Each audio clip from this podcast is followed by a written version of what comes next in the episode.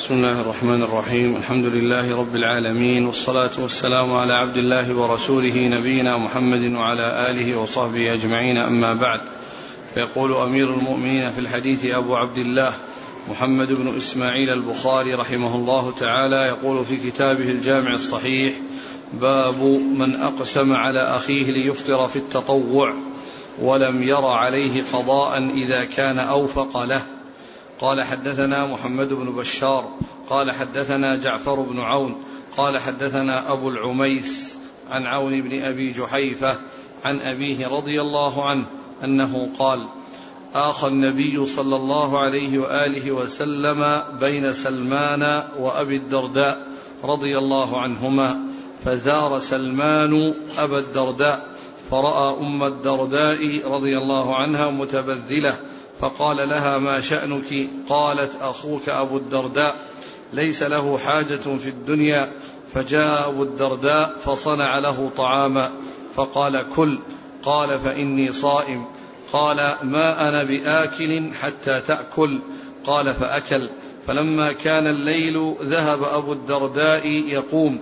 قال نم. فنام ثم ذهب يقوم. فقال نم. فلما كان من آخر الليل قال سلمان قم الآن فصليا. فقال له سلمان إن لربك عليك حقا ولنفسك عليك حقا ولأهلك عليك حقا فأعط كل ذي حق حقه. فأتى النبي صلى الله عليه وآله وسلم فذكر ذلك له. فقال النبي صلى الله عليه وآله وسلم صدق سلمان. بسم الله الرحمن الرحيم الحمد لله رب العالمين وصلى الله وسلم وبارك على عبده ورسوله نبينا محمد وعلى آله وأصحابه أجمعين. ما بعد يقول الإمام البخاري رحمه الله باب من أقسم على أخيه ليفطر في التطوع ولم ير عليه قضاء إذا كان أوفق له. باب من أقسم على أخيه في التطوع ولم ير عليه قضاء إذا كان أوفق له. هذا هذا هذه الترجمة هي أول التراجم المتعلقة بالتطوع المتعلقة بالتطوع وهي في أن أن الإنسان إذا كان صائما صوم تطوع ويعني وطلب منه أخوه أو أن أن أن يشاركه في الطعام فله أن له أن له أن يقطع صيامه وأن يأكل إذا كان في ذلك مصلحة وفيه فائدة. أما إذا كان ما يترتب على ذلك شيء فإنه يستمر في صيامه.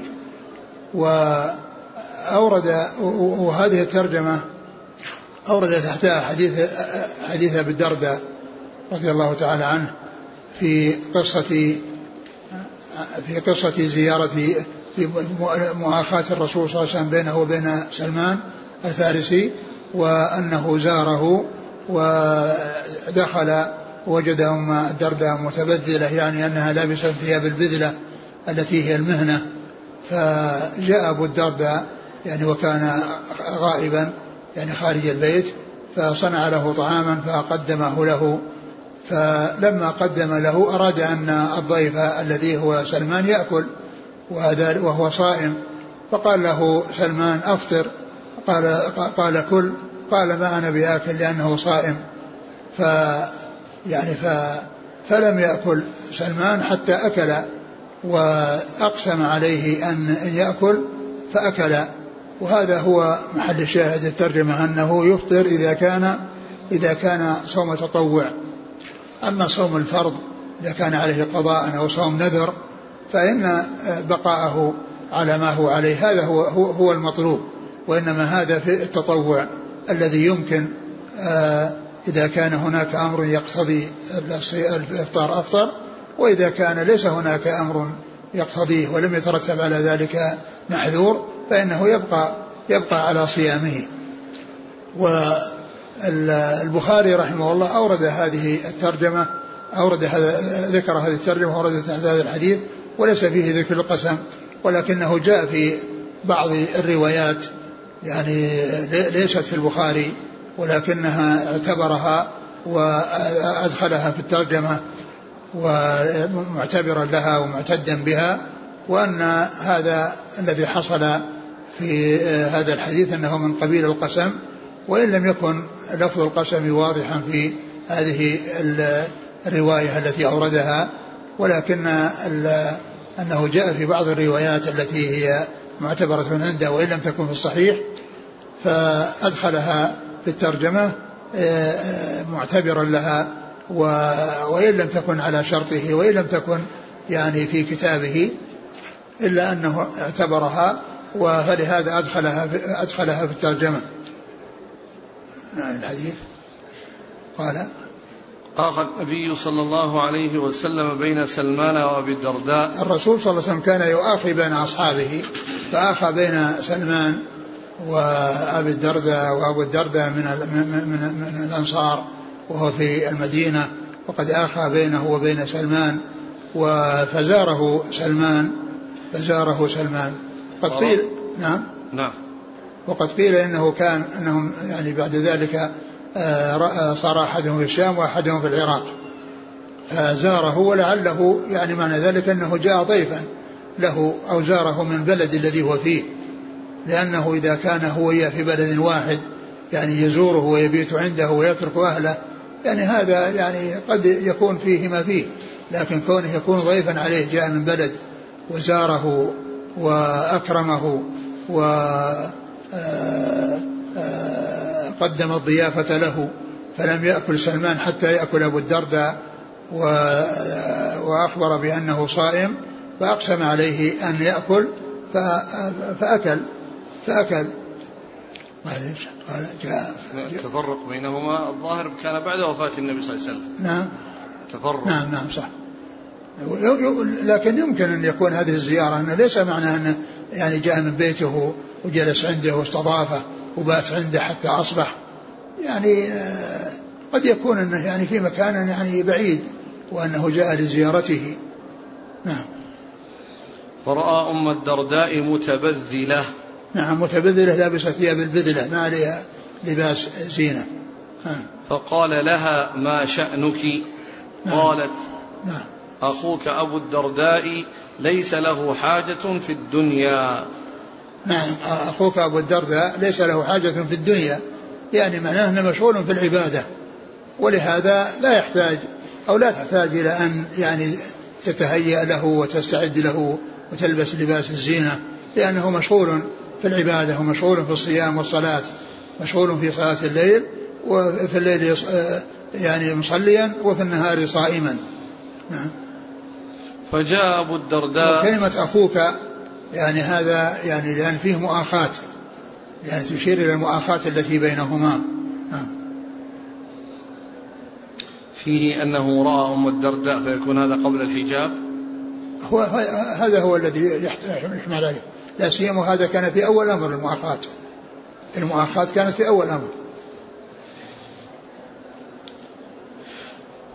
فجاء أبو الدرداء فصنع له طعاما فقال كل قال فإني صائم قال ما أنا بآكل حتى تأكل قال, قال فأكل قال صم يقوله سلمان قال كل يقوله سلمان الذي في الضيف لأبي الدرداء لأنه قدم الطعام له وأراد أن يأكل وحده فقال سلمان لأبي الدرداء كل قال إنه صائم قال ما أنا بآكل حتى تأكل وهذا هو محل الشاهد لكنه ليس فيه القسم ولكن فيه اللفظة التي التي ترجم بها وهي موجودة في في بعض روايات الحديث وليست عنده فيها ذكر القسم. يعني أنه أقسم أنه أنه لا يأكل إلا إذا أكل. أقسم أنه لا يأكل إلا إذا أكل. نعم. فلما كان الليل ذهب أبو الدرداء يقوم. قال نم. فنام ثم ذهب يقوم. فقال نم. فلما كان من آخر الليل قال سلمان قم الآن فصليا.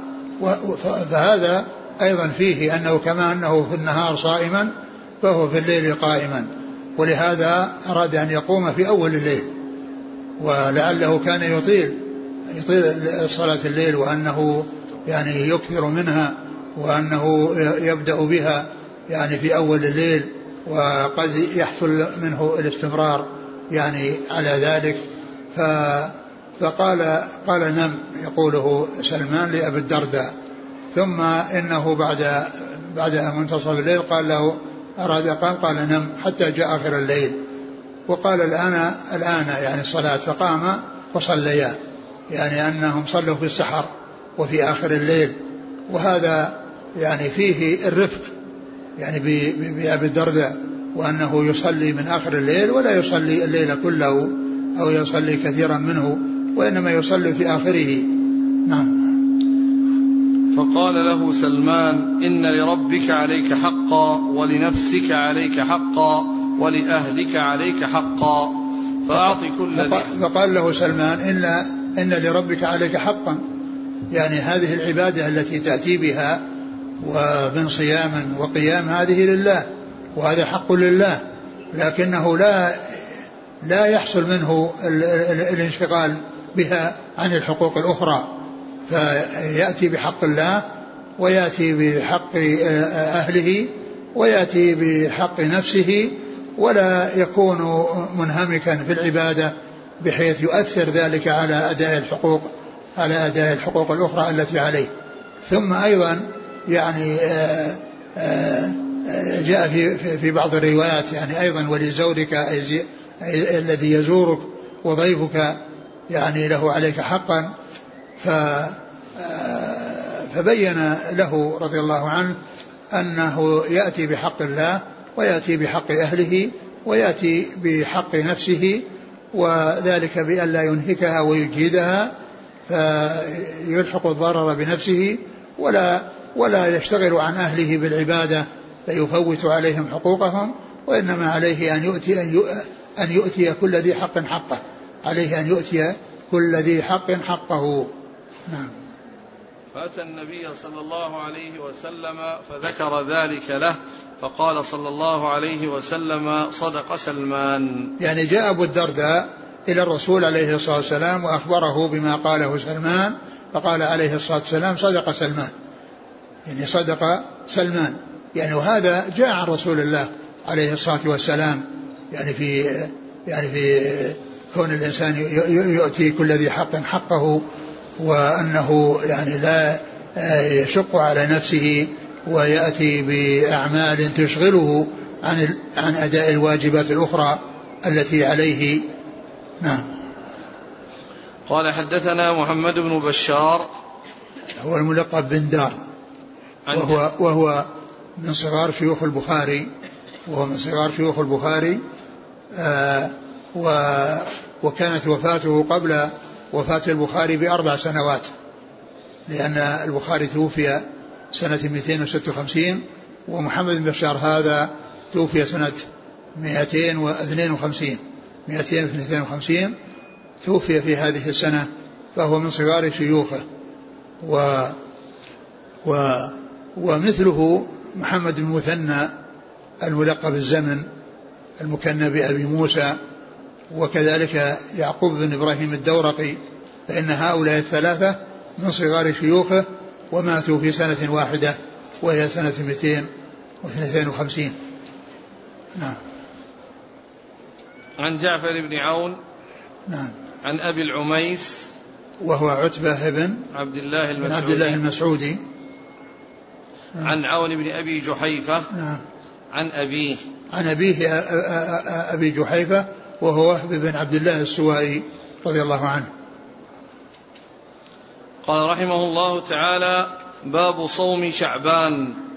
قال حدثنا عبد الله بن يوسف قال أخبرنا مالك عن أبي النضر عن أبي سلمة عن عائشة رضي الله عنها أنها قالت كان رسول الله صلى الله عليه وآله وسلم يصوم حتى نقول لا يفطر ويفطر حتى نقول لا يصوم. فما رأيت رسول الله صلى الله عليه وسلم استكمل صيام شهر إلا رمضان وما رأيته أكثر صياما منه في شعبان. ثم ذكر باب صوم شعبان. يعني آه هذا من من الأبواب المتعلقة بصلاة التطوع وهو آه صيام شعبان. وكان رسول الله صلى الله عليه وسلم يكثر من الصيام في شعبان. كان يكثر من الصيام في شعبان صلوات الله وسلامه وبركاته عليه. وكان من هديه صلى الله عليه وسلم أنه أحيانا يكثر الصيام حتى يقال لا يفطر وأحيانا يعني لا يصوم. ويبقى مفطرا حتى يقال إنه يستكمل الشهر غير صائم. يستكمل الشهر غير صائم ولم يكن وكان أكثر ما يكون صلى الله عليه وسلم يعني يصوم في شعبان أكثر ما يكون في في شعبان. ولم يستكمل شهرا كاملا إلا رمضان. لم يصل لم يصم شهرا كاملا إلا رمضان وأما بالنسبة للنوافل فأكثر ما يكون صيامه في شعبان صلوات الله وسلامه وبركاته عليه. وقيل في يعني يعني وجاء في يعني في في في, في بيان وجه ذلك أنه شهر, شهر يغفل عنه الناس يعني بين رجب ورمضان كان يغفل يغفل عنه الناس. وأيضا يعني كان يعني يكون يعني عليه بعض الأشياء التي كان يحافظ عليها ويداوم عليها فيعني يجد أن هذه يعني هذا الشهر آه، يأتي به يعني بصيام كثير منه يعني حتى يعني يأتي بشيء يعوض عن الشيء الذي قد فاته في سفر أو أو في غيره أو مانع يمنعه من صيامه. فكان وهذا الشهر الذي يسبق رمضان وهو الذي يعني قبل رمضان يتخذه يعني لاكثار الصيام فيه صلوات الله وسلامه وبركاته عليه. ولهذا جاء عن عائشة أنها كانت يكون عليها القضاء من رمضان فلا تقضيه إلا في شعبان لشغلها برسول الله صلى الله عليه وسلم وذلك أنه يكون مكثرا للصيام في ذلك الشهر. فنساؤه يكثرن ويصمن ما عليهن في ويتطوعن يعني في هذا الشهر الذي هو شهر شعبان. نعم. أعد الحديث. كان الرسول صلى الله عليه وسلم يصوم حتى نقول لا يفطر ويفطر يعني يصوم من الشهر يعني حتى يقول لا يفطر مثل شعبان. كان يصوم حتى يقول لا يفطر معناه أنه بكمله وأنه سيأتي إلى نهايته. وكان يفطر حتى نقول لا يصوم. نعم. وحتى كان يفطر حتى نقول لا يصوم.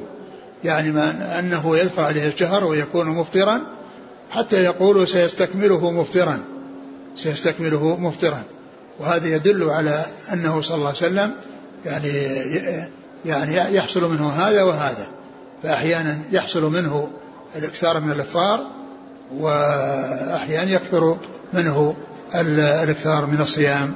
صلوات الله وسلامه وبركاته عليه نعم قالت فما رأيت رسول الله صلى الله عليه وسلم استكمل صيام شهر إلا رمضان نعم. وما رأيته أكثر صياما منه في شعبان نعم. قال حدثنا عبد الله بن يوسف نعم.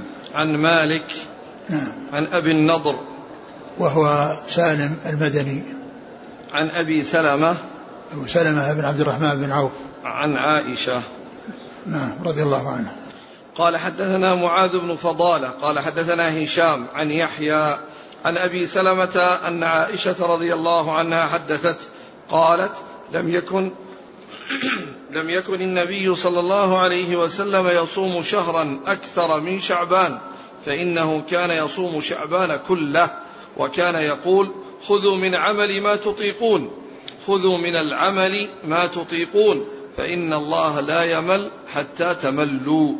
وأحب الصلاة إلى النبي صلى الله عليه وسلم ما دوم عليه وإن قلت. وأحب. وأحب الصلاة إلى النبي صلى الله عليه وسلم ما دوم عليه وإن قلت. وكان إذا صلى صل. وإذا كان إذا صلى صلاة داوم عليها. ثم ذكر حديث عائشة رضي الله تعالى عنها وان أن الرسول عليه الصلاة والسلام ما كان. لم يكن النبي صلى الله عليه وسلم يصوم شهرا أكثر من شعبان. لم يكن رسول الله صلى الله عليه وسلم يصوم شهرا أكثر من شعبان. يعني فإنه يصوم أكثره. وجاء في هذه الرواية حتى إيش؟ أنه كله فإنه كان يصوم شعبان فإنه كان يصومه كله. يعني فهذا محمول على أن المقصود به يعني الغالب. يعني كما جاء مبينا في الرواية الأخرى المتعددة وأنه لم يستكمل شهرا إلا إلا رمضان.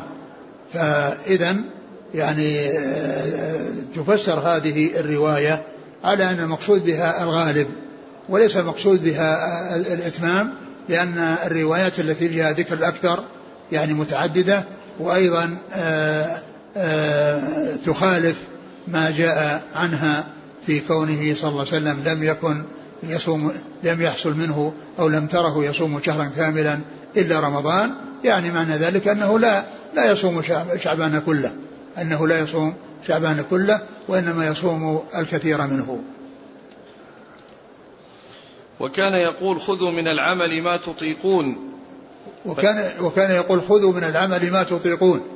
يعني أن الإنسان يعمل العمل الذي يطيقه والذي لا يلحق به ضررا ولا يفوت عليه مصالح أخرى وإنما الشيء الذي آه، آه، يطيقه ويقدر عليه ويستمر عليه ويداوم عليه هذا هو الذي ينبغي له أن يفعله لأن لأن الإنسان قد يكثر العبادة ثم يحصل منه الملل فيتركها ولكنه إذا داوم على شيء قليل فإن فإن هذا القليل يكون مستمرا معه ويكون دائما معه بخلاف الذي ينشط في بعض الأحوال ويكسل في بعض الأحوال فإن هذا يعني يكون كسله بسبب المبالغة وبسبب زيادة العمل الذي أدى به إلى أن يمل. وأما إذا يعني أتى بشيء قليل وداوم عليه فإن هذا هو الذي هو من أحب أحب العمل إلى الله عز وجل. كما جاء في هذا الحديث أحب العمل إلى الله أدومه يعني ما داوم عليه صاحبه وإن قل. ويقولون قليل تداوم عليه خير من كثير تنقطع عنه. قليل تداوم عليه خير من كثير تنقطع عنه. ثم يعني آآ آآ آآ الله عز وجل يقول يا أيها, يا أيها الذين اتقوا الله حق تقاته ولا تموتن إلا وأنتم مسلمون. والمقصود من ذلك المداومة على العمل. لأن من داوم على العمل ولو كان قليلا إذا وفته المنية توافيه وهو على حالة طيبة. توافيه وهو على حالة طيبة بخلاف الذي ينشط في أحياء في بعض الأحيان ويكسل في بعض الأحيان قد توافيه المنية في حال كسله. قد توافيه المنية في حال كسله لكنه إذا كان يعني يحافظ على عمل ولو كان قليلا ويداوم عليه في أي وقت تأتيه المنية تأتيه وهو على عمل صالح ومستمر على عمل صالح ومداوم على يعني عمل صالح. الحديث؟ قال وكان, وكان يقول خذوا من العمل ما تطيقون فإن الله لا يمل حتى تملوا. وكان يقول خذوا من العمل ما تطيقون فإن الله لا يمل حتى تملوا. بعض أهل العلم قال إن هذا يؤخذ منه صفة الملل لله عز وجل وأن ذلك أن يثبت كما يليق به كما هو في سائر الصفات. ومنهم من يقول إن أن معناها يعني لا يمل وإن مللتم. يعني لا لا يمل حتى ولو مللتم. يعني فإن الله لا يحصل منه الملل. وإنما يعني حتى لو حصل الملل من الناس الناس يملون وهو لا يمل. الناس يملون وهو لا يمل. نعم. وكان وأحب الصلاة إلى النبي صلى الله عليه وسلم ما دوم عليه. وأحب الصلاة وأحب الصلاة إلى الله ما دوم عليه.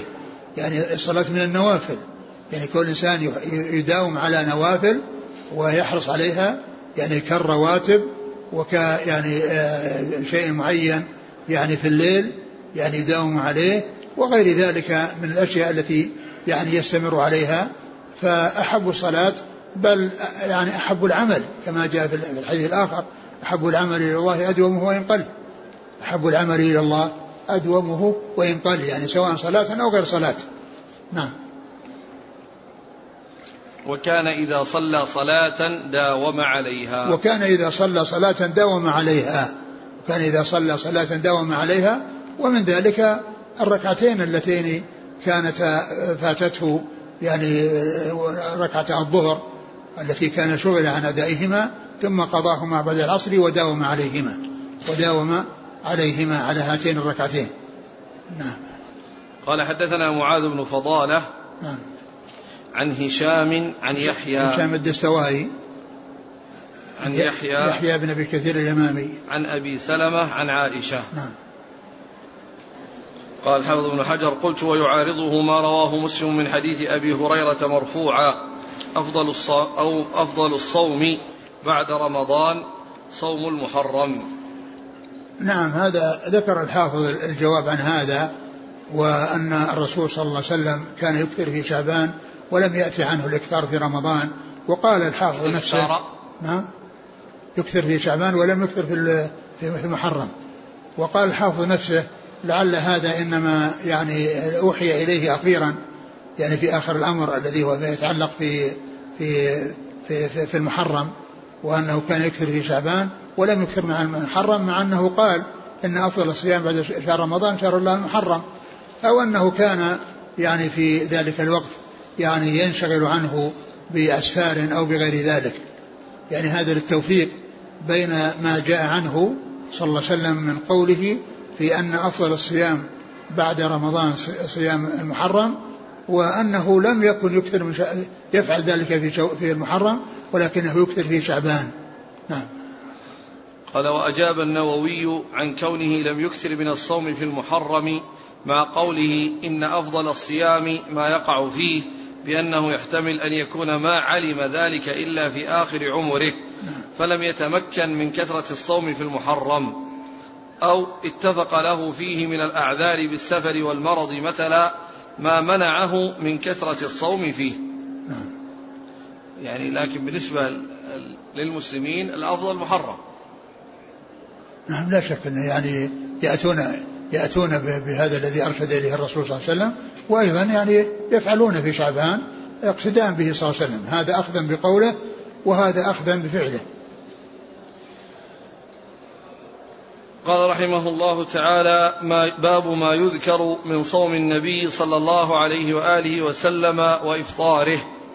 قال حدثنا موسى بن إسماعيل قال حدثنا أبو عوانة عن أبي بشر عن سعيد عن ابن عباس رضي الله عنهما أنه قال ما صام النبي صلى الله عليه وآله وسلم شهرا كاملا قط غير رمضان ويصوم حتى يقول القائل لا والله لا يفطر ويفطر حتى يقول القائل لا والله لا يصوم.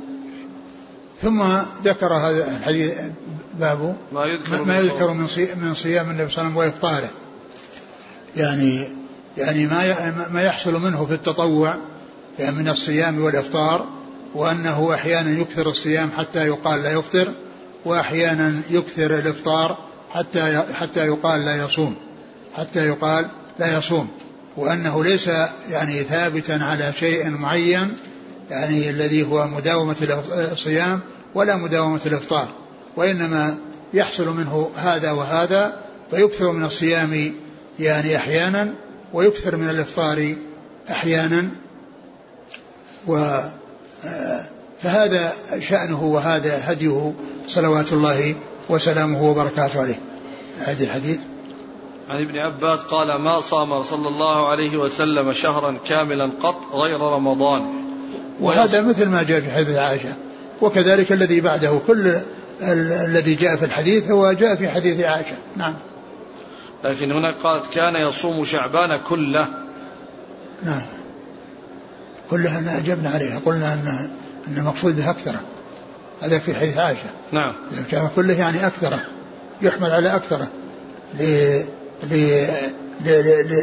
لوجود رواية الأكثر ولوجود آه، النصوص المتعددة عن عائشة وغيرها في أنه لم يستكمل شهرا كاملا إلا رمضان.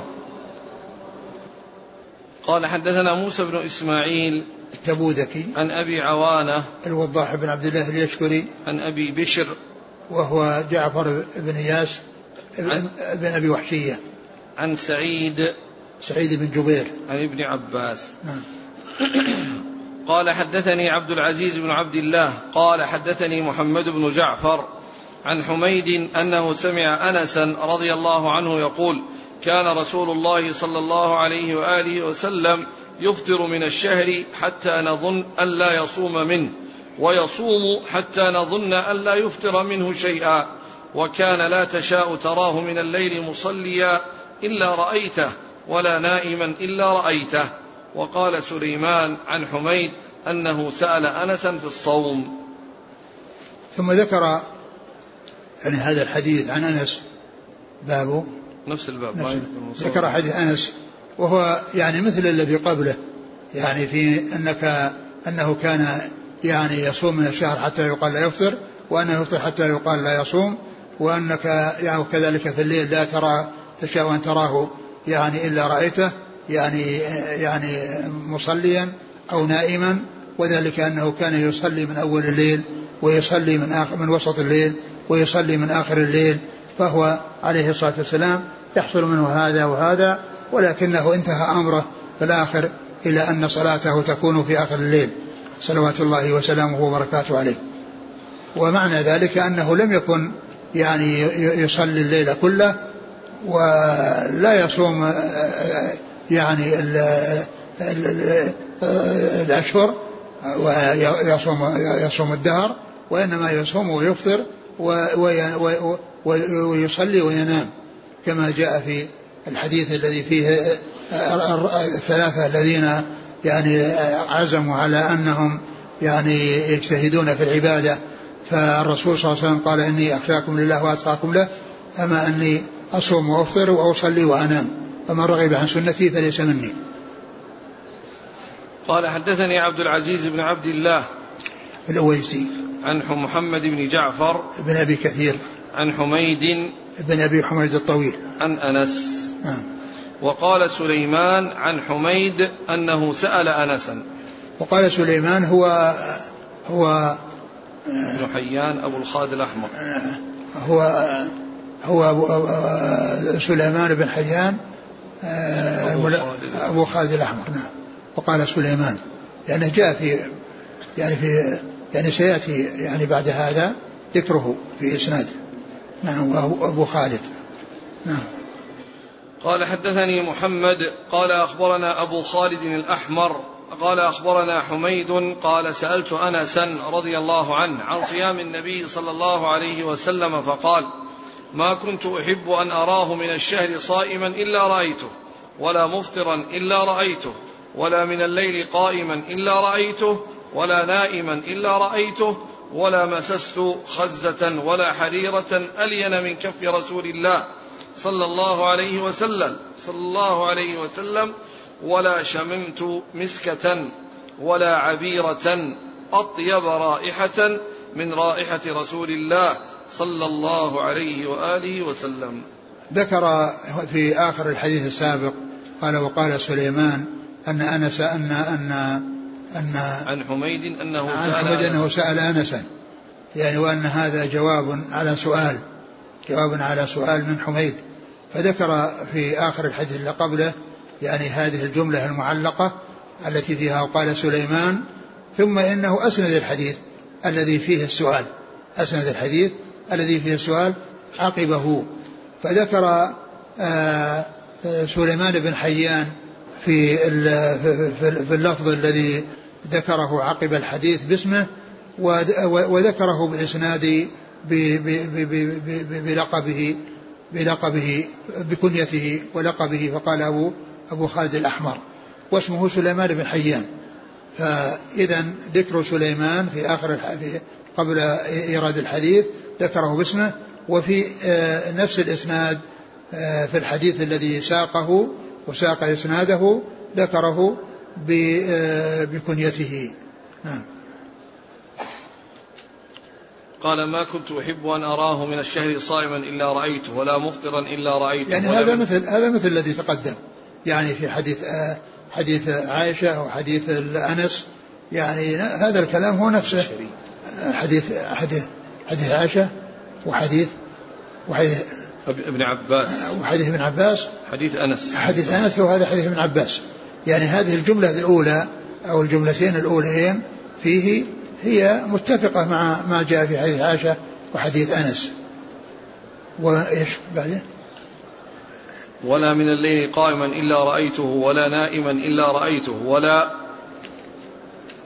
مسست خزة ولا حريرة ألين من كف رسول الله صلى الله عليه وسلم ولا شممت مسكة ولا عبيرة أطيب رائحة من رائحة رسول الله صلى الله عليه وسلم. وهذا من من من, من الصفات صفات الرسول صلى الله عليه وسلم الخلقية التي يعني يعني ذكرها ابن عباس رضي الله تعالى عنه. ذكرها ابن عباس أو أنس. أنس هنا أنس. أنس. التي ذكرها أنس لأن ابن عباس قبل هذا. يعني قال ما ما مسست حريرا ولا خزة ألين من كف رسول الله صلى الله عليه وسلم ولا شممت مسكة, مسكة ولا عبيرة أطيب رائحة من رسول الله صلى الله عليه وسلم.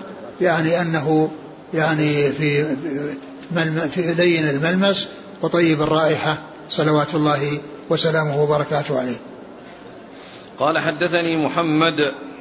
محمد هو بن سلام. عن أبي خالد الأحمر عن حميد عن أنس. نعم. قال رحمه الله تعالى باب حق الضيف في الصوم. قال حدثنا إسحاق قال أخبرنا هارون بن إسماعيل قال حدثنا علي قال حدثنا يحيى قال حدثني أبو سلمة قال حدثني عبد الله بن عمرو بن العاص رضي الله عنهما أنه قال دخل علي رسول الله صلى الله عليه وآله وسلم فذكر الحديث يعني إن لزورك عليك حقا وإن لزوجك عليك حقا فقلت وما صوم داود؟ قال نصف الدهر. ثم قال باب حق الضيف في الصوم. باب حق الضيف في الصوم. يعني أن أن أن أن الصائم يعني يراعي يعني حالة يعني ضيفانه بأنه يشاركهم في الأكل ولا يصوم ويصوم ويطعمهم وهو صائم وإنما يعني يعني يصوم يفطر ويؤنس الضيف بمؤاكلته وبأكل الطعام معه ولا يكثر العبادة وينشغل بها عن إكرام الضيوف. وذكر حديث عبد الله بن عمرو العاص رضي الله تعالى عنهما فقال دخل علي الرسول صلى الله عليه وسلم فذكر الحديث يعني إن لزورك عليك حقا. نعم و... إن زورك يعني الزائر. زورك. نعم. زورك يعني آه، آه، آه، يعني يعني جمع جمع زائر مثل ركب وراكب. راكب وركب فالزور هنا المقصود به الزائر يعني سواء كان واحدا أو أكثر سواء كان واحدا أو أكثر إن لزوجك عليك حقا يعني معناه إنك إنك لا تطيل الصيام وتكثر الصيام وتنشغل عن إكرام الضيوف وتنشغل عن إعطاء الاهل حقوقهم. يعني مثل ما مر في الحديث السابق أعطي كل ذي حق حقه إن لأهلك عليك حقا ولجسمك عليك حقا ولأهلك عليك حقا فأعطي كل ذي حق حقه. وإذا اشتغل بالصوم ولم يحصل منه يعني إيناس الضيوف وإطعامهم وارتياحهم لزيارته وكونهم يكونون ضيوفا عنده إذا عرفوا أنه يعني لا يأكل معهم فإنهم لا يتجهون إلى زيارة إلى إلى أن يتجهون إلى أن يكون ضيوفا عنده لأنه يعني سيأكلون وحدهم وهذه غير لائقة وغير مناسبة في حق صاحب صاحب المكان أنه يقدم الضيافة يقدم الضيافة للضيف ولا يأكل معه. إن إن لزوجك عليك حقا. وإن لزوجك عليك وإن حقا. لزوجك عليك حقا. فقلت وما صوم داود فقال نصف الدهر. قلت وما صوم داود؟ قال نصف الدهر. يعني يصوم يوما ويفطر يوما. وهذا نصف الدهر. يعني يكون يصوم يوما ويفطر يوما يعني هذا نصف الدهر.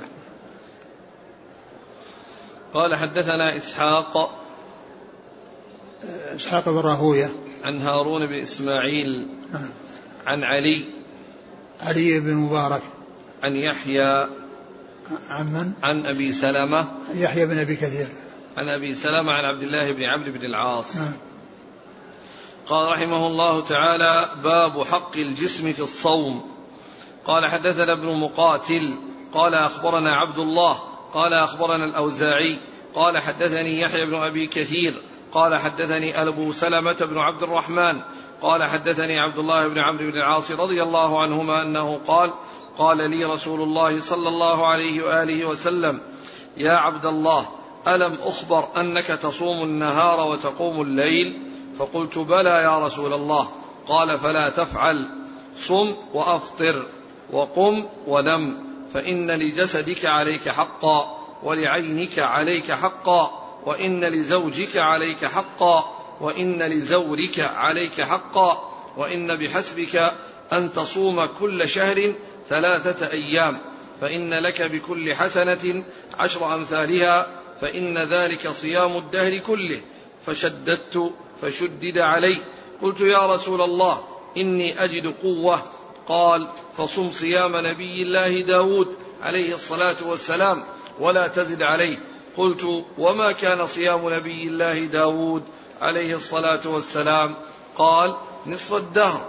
فكان عبد الله يقول بعدما كبر يا ليتني قبلت رخصة النبي صلى الله عليه وآله وسلم. ثم قال باب حق الجسم بالصوم. في الصوم يعني أنه لا يصوم ويكثر الصيام حتى ينهك جسمه وحتى يعني يلحق الضرر بجسمه وإنما عليه أن يصوم الصوم الذي لا يترتب عليه مضرة لا لجسمه ولا لضيوفه ولا لأهله وإنما يعني يصوم ويفطر. يعني حتى يحصل فيه القوة ويحصل فيه النشاط وحتى أيضا يتمكن من العبادات الأخرى لأن إكثار الصوم قد يضعف يعني الحقوق الأخرى التي تجب عليه والتي تكون يعني مطلوبة منه. فيعطي كل ذي حق حقه كما جاء في الحديث عن رسول الله صلى الله عليه وسلم. ولهذا قال قال إيش الأول حديث؟ قال دخل قال لي صلى الله عليه وسلم يا عبد الله ألم أخبر أنك تصوم النهار وتقوم الليل؟ فقلت بلى يا رسول الله. قال فلا تفعل. وقد جاء في بعض الأحاديث الروايات أن الذي أخبر أبوه عمرو بن العاص أخبر الذي أخبر أبوه عمرو بن العاص. قال ألم أخبر أنك تصوم النهار أو تقوم الليل؟ قال بلى. قال فلا تفعل. صم وأفطر صم وأفطر. فلا تفعل. يعني هذا الذي هو الاستمرار على الصيام دائما وقيام الليل دائما كله وإنما يعني صم وأفطر وصلي ونم.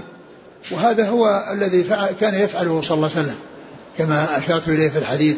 قال أما إني أخشاكم لله وأتقاكم له ولكني ولكني أصوم وأفطر وأصلي وأنام فمن رغب عن سنتي فليس مني. فإن لجسدك عليك حقا وإن لعينك عليك حقا وإن لزوجك عليك حقا. فإن لجسدك عليك حقا وإن لعينك عليك حقا. يعني الجسم والعين هذه تتعلق بالجسم وتعلق بالترجمة. وذكر يعني أو عطف العين على الجسم من عطف الخاص على العام لأنها من الجسم. وإنما يعني ذكر ونص عليها لأن يحصل لها الضعف. بكثرة السهر وعدم النوم وكذلك يعني حصول الصيام الدائم فإن ذلك يؤثر على الجسم كله ويؤثر على العين فذكر العين هنا بعد الجسم هي من عطف الخاص على العام. وإن فإن لجسدك عليك حقا ولعينك عليك حقا ولزوجك عليك حقا ولزورك عليك حقا وإن بحسبك أن تصوم كل شهر ثلاثة أيام. يعني ذكر ذكر الجسم وذكر الأهل الزوجة وذكر الزائر والضيف ثم قال وإنما بحسبك يعني يكفيك يكفيك أن تصوم من كل شهر ثلاثة أيام واليوم عن عشرة أيام والحشر والحسنة بعشر أمثالها وذلك كصيام الدهر. يعني هذا الفعل يعني أن أن أن أن, أن أنها يعني ثلاثة أيام في العمل ولكنها آه، شهر كامل بالجزاء والثواب. مثل ما جاء في قصة فرض الصلاة وأنها فرض خمسين ثم انتهت إلى إلى خمس ثم صارت خمسا في العمل وخمسين في الأجر. والحسنة بعشر أمثاله. والحسنة بعشر أمثالها. فكذلك هنا إذا صام ثلاثة أيام من كل شهر واليوم الواحد عن عن عشر عن عشرة أيام فإنه يكون إذا صام ثلاثة أيام صام يعني كأنه صام الشهر كله. فكذلك السنة يكون كأنه صامها. وعلى هذا يكون الإنسان إذا صام هذه الثلاثة أيام وحافظ عليها وداوم عليها فإنه يحصل بذلك أنه يعني صام الدهر. يعني بمعنى حصل أجر صيام الدهر وإن لم يكن صام بالفعل ولكن من حيث الأجر والثواب يحصل. يعني آه، أجر صيام الدهر لأن الحسنة بعشر الحسنة بعشر أمثالها. نعم. قال فإن ذلك بحسبك يعني حسبك يكفيك. حسب بمعنى كافي. نعم. مثل بحسب امرئ من الشر أن يحقر أخاه مسلم. يعني يكفيه من الشر هذا الشر الذي أن يحقر أخاه مسلم. فهذا قال بحسبه يعني من الصيام أن يصوم ثلاثة أيام وذلك كصيام الدهر. وقد جاء أيضا ما يدل على أن أن أنه أن له أجر صيام الدهر من جهة ثانية. في قوله صلى الله عليه وسلم من صام رمضان وأتبعه ستا من شوال كان كصيام الدهر. فإذا كان صام ستا من شوال بعد رمضان وصام من كل شهر ثلاثة أيام يكون كأنه صام الدهر مرتين. صام الدهر مرتين. مرة في الست التي مع رمضان ومرة في الثلاثة الأيام التي تكون من كل شهر. قال فإن لك بكل حسنة عشر أمثالها فإن ذلك صيام صيام الدهر كله فشددت فشدد علي. يعني أنه كان ندم ولهذا قال في الأول نعم قال شددت فشدد علي.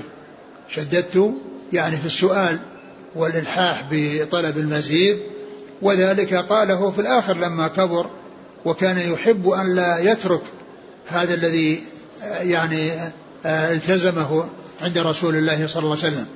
ولكنه وجد المشقة في ذلك ومع ذلك كان يتحامل حتى يحقق هذا الشيء الذي التزمه عند رسول الله صلى الله عليه وسلم. قال شددت فشدد علي. وكان يتمنى أنه لم يحصل له ذلك وإنما يكتفي بالشيء الذي أرشد إليه الرسول صلى الله عليه وسلم والذي فيه صيام الدهر من حيث أن الحسنة في عشر أمثالها. قال فشددت فشدد علي.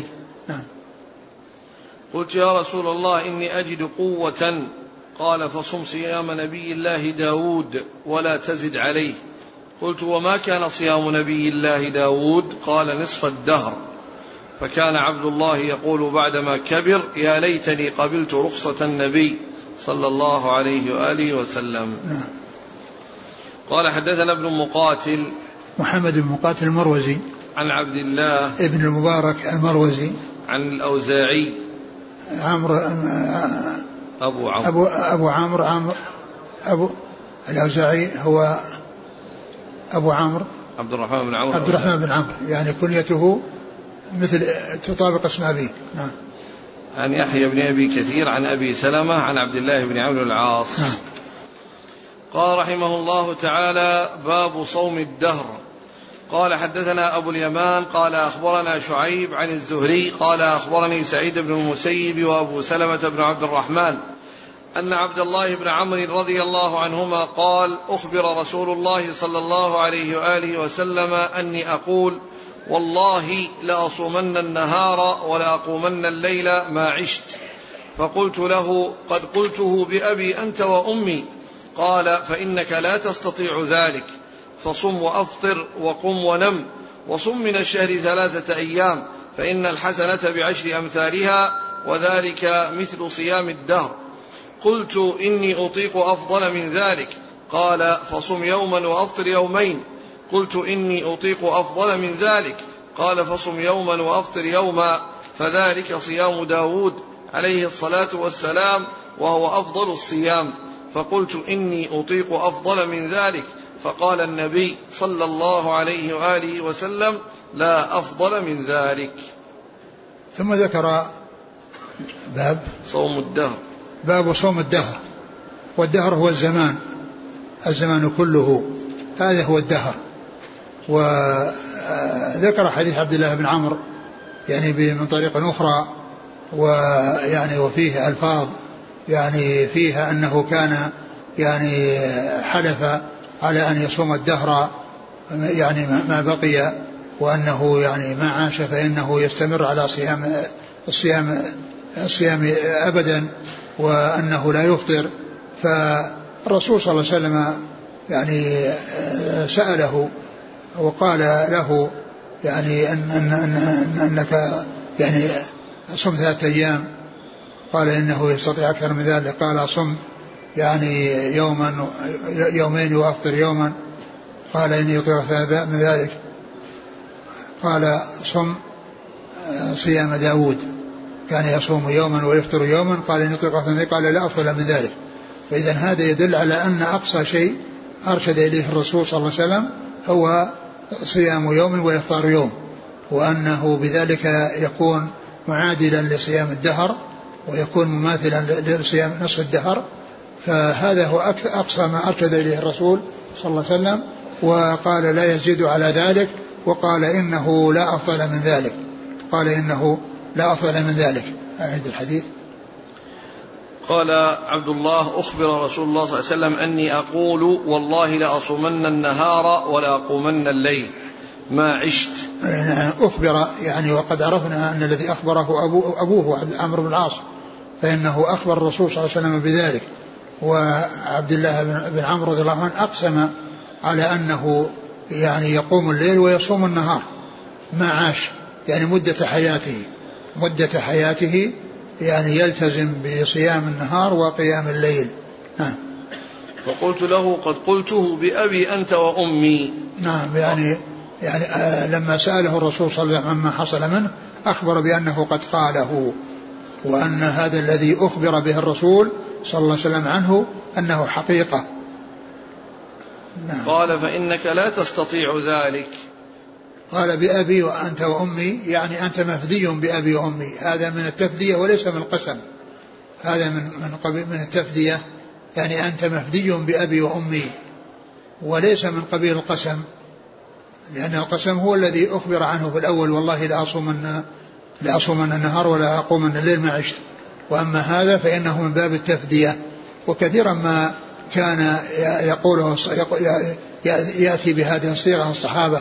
رضي الله عنهم وأرضاهم عندما يخاطبونه وكذلك أيضا عندما يذكرونه عليه الصلاة والسلام يعني يقولون بأبي أنت وأمي أو بأبي بأبي هو وأمي يعني إذا كان حاضرا يخاطبه يقول بأبي أنت وأمي وإذا كان غائبا يقول بأبي هو وأمي. نعم. قال فإنك لا تستطيع ذلك فصم وأفطر وقم ونم. وصم من الشهر ثلاثة أيام فإن الحسنة بعشر أمثالها وذلك مثل صيام الدهر. قلت إني أطيق أفضل من ذلك. نعم. قال فإني أطيق. فإني أطيق أفضل من ذلك. قال فصم يوما وأفطر يومين. قلت إني أطيق أفضل من ذلك. قال فصم يوما وأفطر يوما فذلك صيام داود وهو أفضل الصيام. فقلت إني أطيق أفضل من ذلك. قال صلى الله عليه وآله وسلم لا أفضل من ذلك.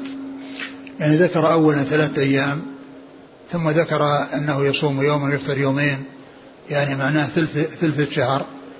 ثم أنه آخر شيء ذكره له أنه يصوم يوما ويفطر يوما يعني خمسة عشر يوم. يعني يصوم من الشهر خمسة عشر يوم. وذكر الثلاثة أولا ثم ذكر العشر بعدها ثم ذكر الخمسة عشر التي هي يعني صيام يوم وإفطار يوم. ثم قال إني أطلق من ذلك قال لا أفضل من ذلك. لا أفضل من ذلك. فهذا يدل على أن هذا هو الحد الأعلى الذي أرشد إليه الرسول صلى الله عليه وسلم. ومع ومع هذا الذي حدده له وهو نصف صيام الدهر أدرك في آخر الأمر مشقته عليه. فكيف بصيام الدهر كله؟ يعني مع أن أنه كان حلف على أن يصوم الدهر كله والرسول صلى الله عليه وسلم أرشده إلى أن لأن يزيد على على نصف الدهر الذي هو يوم ويفطر يوم هي خمسة عشر يوم من كل شهر. ومع ذلك كان يعني يتمنى أنه قبل الرخصة التي رخص له فيها رسول الله صلى الله عليه وسلم وأنه آه، يود أنه لم يطلب منه المزيد ولهذا قال إنه آه، شدد فشدد عليه. يعني شدد على نفسه فشدد عليه بأن حقق له يعني شيء مما يريد أدرك يعني مضرته وأدرك عدم قدرته عليه في آخر أمره رضي الله تعالى عنه. نعم. قال حدثنا أبو اليمان الحكم بن نافع عن شعيب بن أبي حمزة. عن الزهري نعم. عن سعيد بن المسيب وأبي سلمة بن عبد الرحمن عن عبد الله بن عمرو. نعم. قال رحمه الله تعالى باب حق الأهل في الصوم. نعم. رواه أبو جحيفة عن النبي صلى الله عليه وآله وسلم.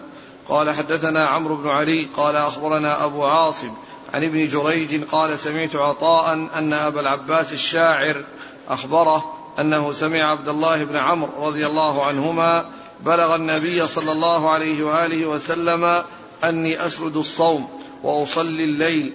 فإما أرسل إلي وإما لقيته. فقال ألم أخبر أنك تصوم ولا تفطر وتصلي؟ فصم وأفطر وقم ونم. فإن لعينك عليك حق حظا وإن لنفسك وأهلك عليك حظا. قال إني لأقوى إني لأقوى لذلك. قال فصم صيام داود عليه الصلاة والسلام. قال وكيف وكيف؟ قال كان يصوم يوما ويفطر يوما. ولا يفر إذا لاقى. قال من لي بهذه يا نبي الله؟ قال عطاء. لا أدري كيف ذكر صيام الأبد. قال النبي صلى الله عليه وسلم لا صام من صام الأبد مرتين. ثم قال باب حق الأهل في الصوم. في الصوم. يعني ذكر حق حق الضيف أو الزائر في الصوم وحق الجسم في الصوم وحق الأهل في الصوم. يعني آه، أورد هذا الحديث من أجل الاستدلال به على أن لأهله عليه حقا. وقد مر في الأحاديث السابقة يعني ذكر الأهل كما مر ذكر الجسم وذكر الزائر ولكنه أفرد أو هذه هذه الترجمة بذكر الأهل. وأورد آه، طريقا من طرق الحديث المشتملة المشتملة على ذلك. أول الحديث قال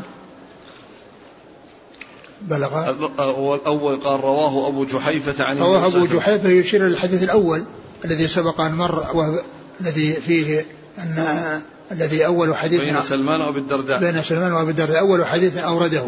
هنا أشار إليه إشارة لأنه سبق أن مر ذكره وهو مشتمل على ذكر الأهل. مشتمل على ذكر الأهل. نعم. قال عن عبد الله بن عمرو بلغ النبي صلى الله عليه وسلم أني أسرد الصوم وأصلي الليل. فإما يعني يسرد الصوم يعني ولا يفطر يعني يصوم الدهر ويصلي الليل يعني كله. نعم. فإما أرسل إلي وإما لقيته. نعم. فقال ألم أخبر أنك تصوم ولا تفطر وتصلي؟ فصم وأفطر وقم ونم. فإن لعينك عليك حظا ولنفسك عليك وأهلك عليك حظا. قال إني لأقوى لذلك. قال فصم صيام داود. قال وكيف؟ قال كان يصوم يوما ويفطر يوما ولا يفر إذا لاقى. قال من لي بهذه يا نبي الله؟ قال عطاء لا أدري كيف ذكر صيام الأبد.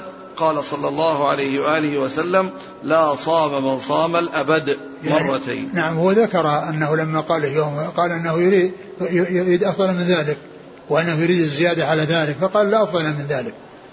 وذكر يعني الأبد يعني أنه كان يعني يريد أن يصوم الدهر كله. يعني وهذا هو الذي عزم عليه وحلف عليه كما سبق أن مر. فالرسول صلى الله عليه وسلم أرشده إلى أن يعني يصوم صيام داود وأن لا يزيد عليه وأن لا يتجاوزه وبين السبب الذي يكون الذي الذي من أجله يعني لم يوافقه على صيام الدهر وذلك لأن لكل عليه حق أهله وضيفه وجسمه نعم. وش بعده في الآخر؟ قال عطاء لا أدري كيف ذكر صيام الأبد. قال صلى الله عليه وسلم لا صام من صام الأبد مرتين. يعني أن معنى أنه ذكر صيام الدهر صيام الأبد فقال عليه الصلاة والسلام لا صام من صام الأبد. وهذا يدل على أن أن أن أن الرسول صلى الله عليه وسلم نهى عن صيام الدهر وقال عنه أو عمن فعله لا صام من صام الأبد. وهذا إما أن يكون خبرا وإما أن يكون دعاء. فإن كان دعاء فهو أمر خطير وإن كان خبرا فهو إخبار من رسول الله صلى الله عليه وسلم عن أمر لا يسوغ ولا ينبغي. وانتهى نعم. والعلماء اختلفوا في صيام الدهر صيام الأبد فمنهم من منعه لقوله صلى الله عليه وسلم لا تفعل ولقوله لا صام من صام آه، الأبد ومنهم من أجازه وقال إن هذا إنما أراد به الرفق وأن أنه لم يكن للتحريم ففعل فكان فمن الناس من كان يصوم الدهر. وهذا نظير ما سبق أن مر في الوصال.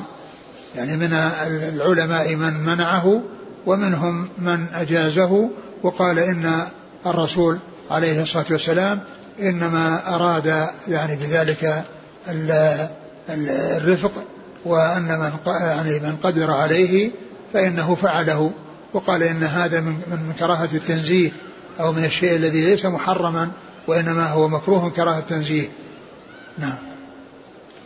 قال حدثنا عمرو بن علي هو الفلاس. عن أبي عاصم. وهو أحد شيوخ البخاري. هو أحد شيوخ أصحاب الكتب الستة. أصحاب الكتب الستة لهم لهم تسعة شيوخ. يعني اتفقوا اتفق أصحاب الكتب على الإخراج عنهم. ومنهم عمرو بن علي الفلاس هذا.